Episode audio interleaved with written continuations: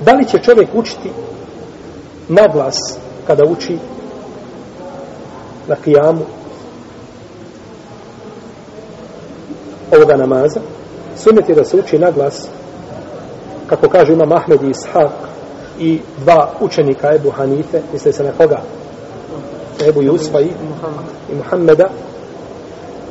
Oni kažu na glas suprotno mišljenju džumhura. Džumhur Leme kažu ne, uči se šta? U sebi. Ulema koja kaže da se uči na glas, dokazuje to hadisima. Jedan od hadisa kojim dokazuje jeste hadis koga bliži Buhari od Aisha radijallahu ta'ala u kome je kazala učio je poslanik sa osrme na glas u svome kirajetu kada je klanjao namaz za pomračenje sunca pa kada bi završio sa kirajetom učinio bi ruku da mi je tekbir učinio ruku pa kada bi se digao kazao bi se mi Allahu limen hamida rabbena lakal hamd potom bi se vratio ponovo i nastavio sa učenjem pa bi kanjao četiri rekiata i četiri srđe. Četiri rekiata, to jeste četiri rukua. Dva rekiata sa dvije srđe. Drugi dokaz je to što je to na fila namaz koja se kanja u ovome vremenu. Pa je lijepo da se uči na glas kao i bilo koji drugi namaz kao recimo Bajram ili kao teravija ili kao salatul istiska namaz za kišu i sve što tome. Kaže Džumur Uleme neće učiti na glas nego kada klanja za pomračenje sunca eh, kada klanja za pomračenje mjeseca. Jer je to namaz koji se klanja šta? Po, po noći pa kažu tada će se učiti a što se tiče učenja naglas za pomračenje sunca to nema osnovi kaže većina uleme I kažu hadisu Ibn Abbasa, spomenuto je, pa je stao na kijam dugo od, u dolini učenja sure Al-Bekare. Pa Ibn Abbas ovdje procijenio šta? Pa kažu vidi da Ibn Abbas procijenio. No, međutim, ne mora značiti.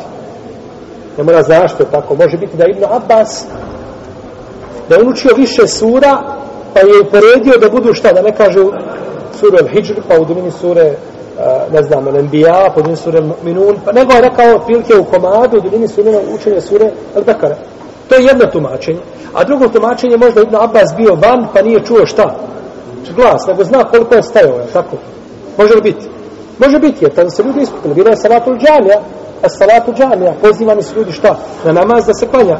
Pa može biti da Ibn Abbas bio van, pa nije čuo kiraj, pa zbog toga rekao šta? U dolini učenja sure El-Bekara.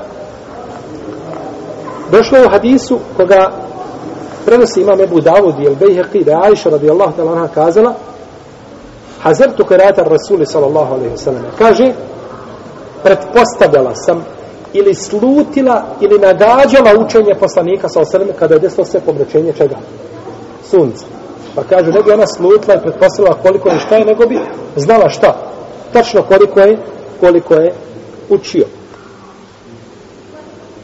No, međutim, možda je Ajša radijallahu ta'ala bila šta? Banđani. Jedno tumačenje, a drugo tumačenje koje je sigurno ispravno je da je hadis daje. Da je hadis šta? Daje, pa nema potrebe da se zamaramo oko njega, je li ili nije. Ajša kaže jasno u prethodno spomenutom hadisu, kod Buharije kaže učio je na glas. Ha, ovdje kaže slutila sam u daji, a u vjerodostavnom kaže učila sam šta? Učila sam učenje, učio je poslanica na glas pa kada se daje suprosti vjerodostojnom, udari sa njim o zid, nema od njega ništa, niti treba mu se obazirati na takav hadis. I došlo je u hadisu Semure i u džundu, da je rekao, kaže, klanjao sam iza poslanika sa osrme nama za pomračenje sunca, pa nisam čuo njegovog glasa. Pa nisam čuo njegovog glasa. Pa ovo je dokaz više učenjacima koji kažu šta? da je učio, jer za, ako je poslanik sa osrme učio u sebi, zašto bi rekao Semur ibn Džundup, nisam čuo njegovog glasa. Pa ti u osnovi ne možeš čuti njegovog glasa, tako? Kad bi sve htio, ne možeš čuti. Znači on kaže, nisam čuo kao da kaže, bio sam toliko daleko, pa nisam šta? Nisam mogao čuti glasa. Pa je ovo veći dokaz u Lemi koja kaže da je učio šta? Na glasu. Protivno se kaže, nisam, čovjek šutao, nešto rekao tiho, kaže, nisam mu čuo glasa. Pa ne možeš čuti glas ako, ako je kazao tiho. Nego je morao reći nešto, a ti nisi čuo njegov glas. Tako da je, znači ovo dokaz u Lemi koja kaže da se uči na glas više nego onima koji se kaže da se uči u sebi. No, međutim, i ovaj hadis bilježe sabirač sunena i on je šta? Taj. Opet je daji. Pa neće biti dokaz nikome. Tako.